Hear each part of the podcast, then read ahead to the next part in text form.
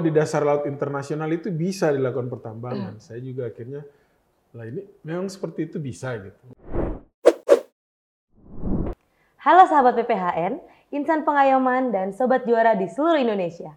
Selamat datang dan bergabung di podcast kita pada program Juara, Jurnal Refinding dan Artikel Hukum Bersuara.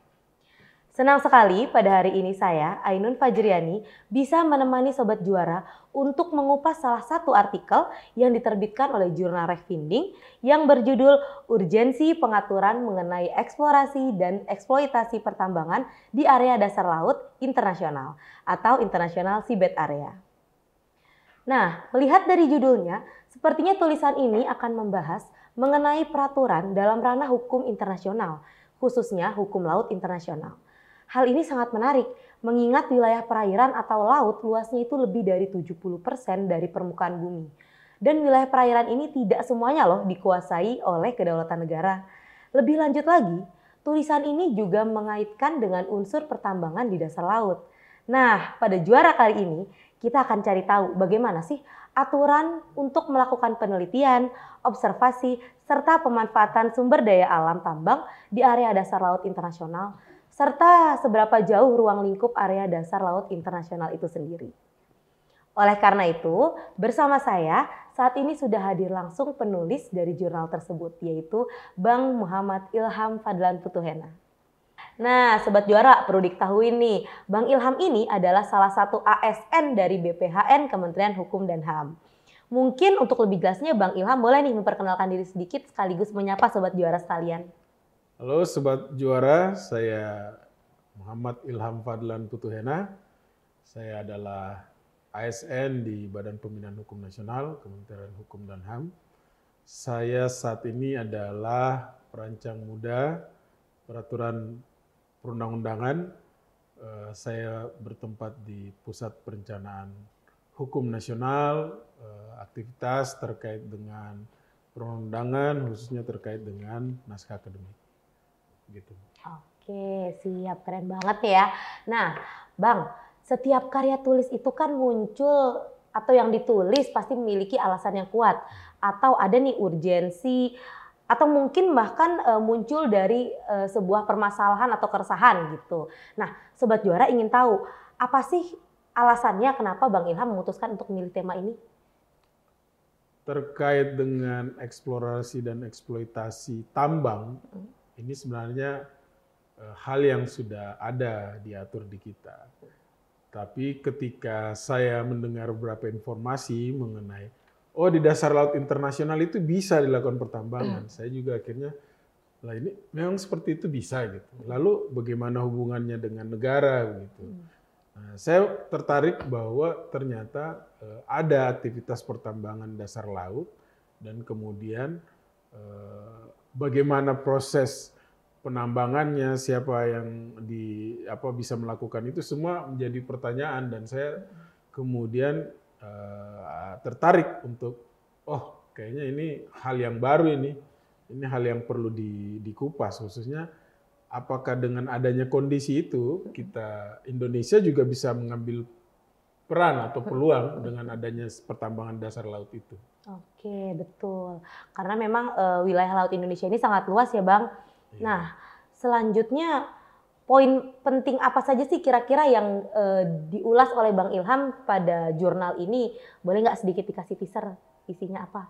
Iya, jadi e, satu hal yang dibahas dari artikel saya adalah hmm. ini pertambangan yang lokasinya bukan di wilayah Indonesia. Oh, Bukan iya. wilayah-wilayah laut Indonesia. Ini namanya internasional seabed atau okay. dasar laut internasional. Jadi itu kayak uh, pendekatannya tidak ada negara yang yang mempunyai kewenangan Betul. di situ, tapi bisa dilakukan itu. Nah, itu aspek yang yang coba saya lihat. Yang kedua, aspek pertambangan. Kalau pertambangan itu mekanismenya yang standar dan kita pun mengatur adalah adanya mekanisme eksplorasi dan eksploitasi. Okay. Nah, tapi uh, yang ingin saya kaitkan adalah itu tadi bagaimana uh, pengaturan internasional itu sendiri, terus ada pengaturan kita dengan kedaulatan kita, ini bisa mix nggak? Okay. Nah, hal ini kemudian muncullah ada satu bagian lain yaitu adanya pengaturan internasional yang mengaitkan itu semua sebenarnya. Nah, tulisan ini bagaimana memotret bagaimana kita Indonesia, bagaimana pengelolaan pertambangan di dasar laut itu sendiri, dasar laut internasional itu sendiri. Kemudian ada pengaturan dan ada lembaga internasional yang mengatur pola hubungan ini. Oke, gitu. menarik sekali. Nah, Bang, saya sedikit tergelitik tadi dengan uh, pembahasan kedaulatan. Kebetulan nih, dulu uh, kalau boleh sedikit bercerita, saya juga sempat melakukan penelitian dan untuk skripsi saya terkait kedaulatan wilayah udara dan batasnya dengan wilayah angkasa, di mana wilayah angkasa ini kan memang e, terbuka untuk seluruh dunia karena nggak ada yang punya. Nah, apakah begitu juga e, pe, pembatasannya untuk laut? Bagaimana sih e, pembatasannya itu seberapa sih yang yang bagian mana yang disebut dengan laut internasional, bang? Iya, kalau dari e, untuk laut sendiri ada pembatasan yang betul-betul dikelola oleh negara itu dari 12 mil hingga 20 mil itu ke wilayah dari negara. Kemudian setelah itu ada landas kontinen. Setelah itu adalah zona ekonomi eksklusif. Itu bukan wilayah nasional, tapi terkait dengan ekonomi eksklusif di situ negara masih uh, bisa uh, berkewenangan untuk ambil itu. Nah, selain itu kemudian ada lagi yang disebut dengan uh, apa laut lepas gitu, laut lepas. Laut lepas itu Eh, kemudian ada juga disebut dengan dasar laut internasional. Nah di luar Z itu ada laut laut lepas, terus di bawahnya ada dasar laut internasional.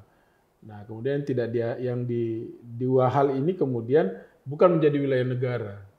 Tidak ada negara yang uh, mengklaim atau sampai bisa mampu mungkin mengatur wilayah sampai se, se, sejauh itu. Oh, Sehingga yang saya maksud tadi adalah uh, wilayah yang dari luar dari ZE dan landas kontinen itu itulah yang jadi uh, tempat di mana terjadinya penambangan itu. Oke, berarti uh, itu batas laut internasional ya, yeah. yang bisa dilakukan penambangan bagi seluruh uh, orang seluruh dunia, sorry seluruh dunia karena tidak bisa diakui sebagai yurisdiksi negara mana pun yeah, begitu ya bang? Itu, apa uh, warisan bersama umat okay. manusia bahasanya. Oke, okay, Tidak ada negara yang bisa mengklaim itu. Oh, lalu bagaimana mekanisme agar bisa melakukan uh, eksplorasi atau bahkan untuk melakukan penambangan di wilayah laut internasional itu? Iya, itu diatur di UNCLOS mm -hmm. terkait dengan uh, laut. Uh, ada uh, UNCLOS mengatur bahwa untuk khusus yang saya bahas di situ kan mengenai dasar laut internasional Betul. itu tidak boleh memang dilakukan penambangan oleh siapa pun hmm. kecuali kemudian nanti ada lembaga yang menyetujuinya namanya oh. ISA ISA International uh, Sea Seabed uh, Authority. Uh, Authority ya itu yang bisa mengeluarkan izin approval apabila ada yang ingin uh, mengelola isi dari dasar laut itu sendiri. Oh, keren banget ya Bang. Pembahasannya sangat luas nih. Nah, kira-kira dengan tulisan seperti ini nih Bang, siapa saja sih yang cocok untuk membaca jurnal ini ya selain dari bidang orang-orang berpraktik di bidang hukum, selain mungkin mahasiswa yang ingin buat skripsi atau tesis, kira-kira ini cocok untuk dibahas eh, dibaca oleh siapa saja sih? Kalau menurut saya ini adalah hal yang uh, dibilang baru, enggak juga ya. Kalau di internasional memang sudah dilakukan Oke. Okay. Ya, yang baru mungkin bagi kita karena hmm. sebenarnya kita itu bisa ngambil ruang, ngambil peluang di sini untuk bagaimana kalau kita mengatur kita bisa dapat manfaat. Hmm. Kalau kita tidak uh, mengatur itu ya kita tidak dapat manfaat.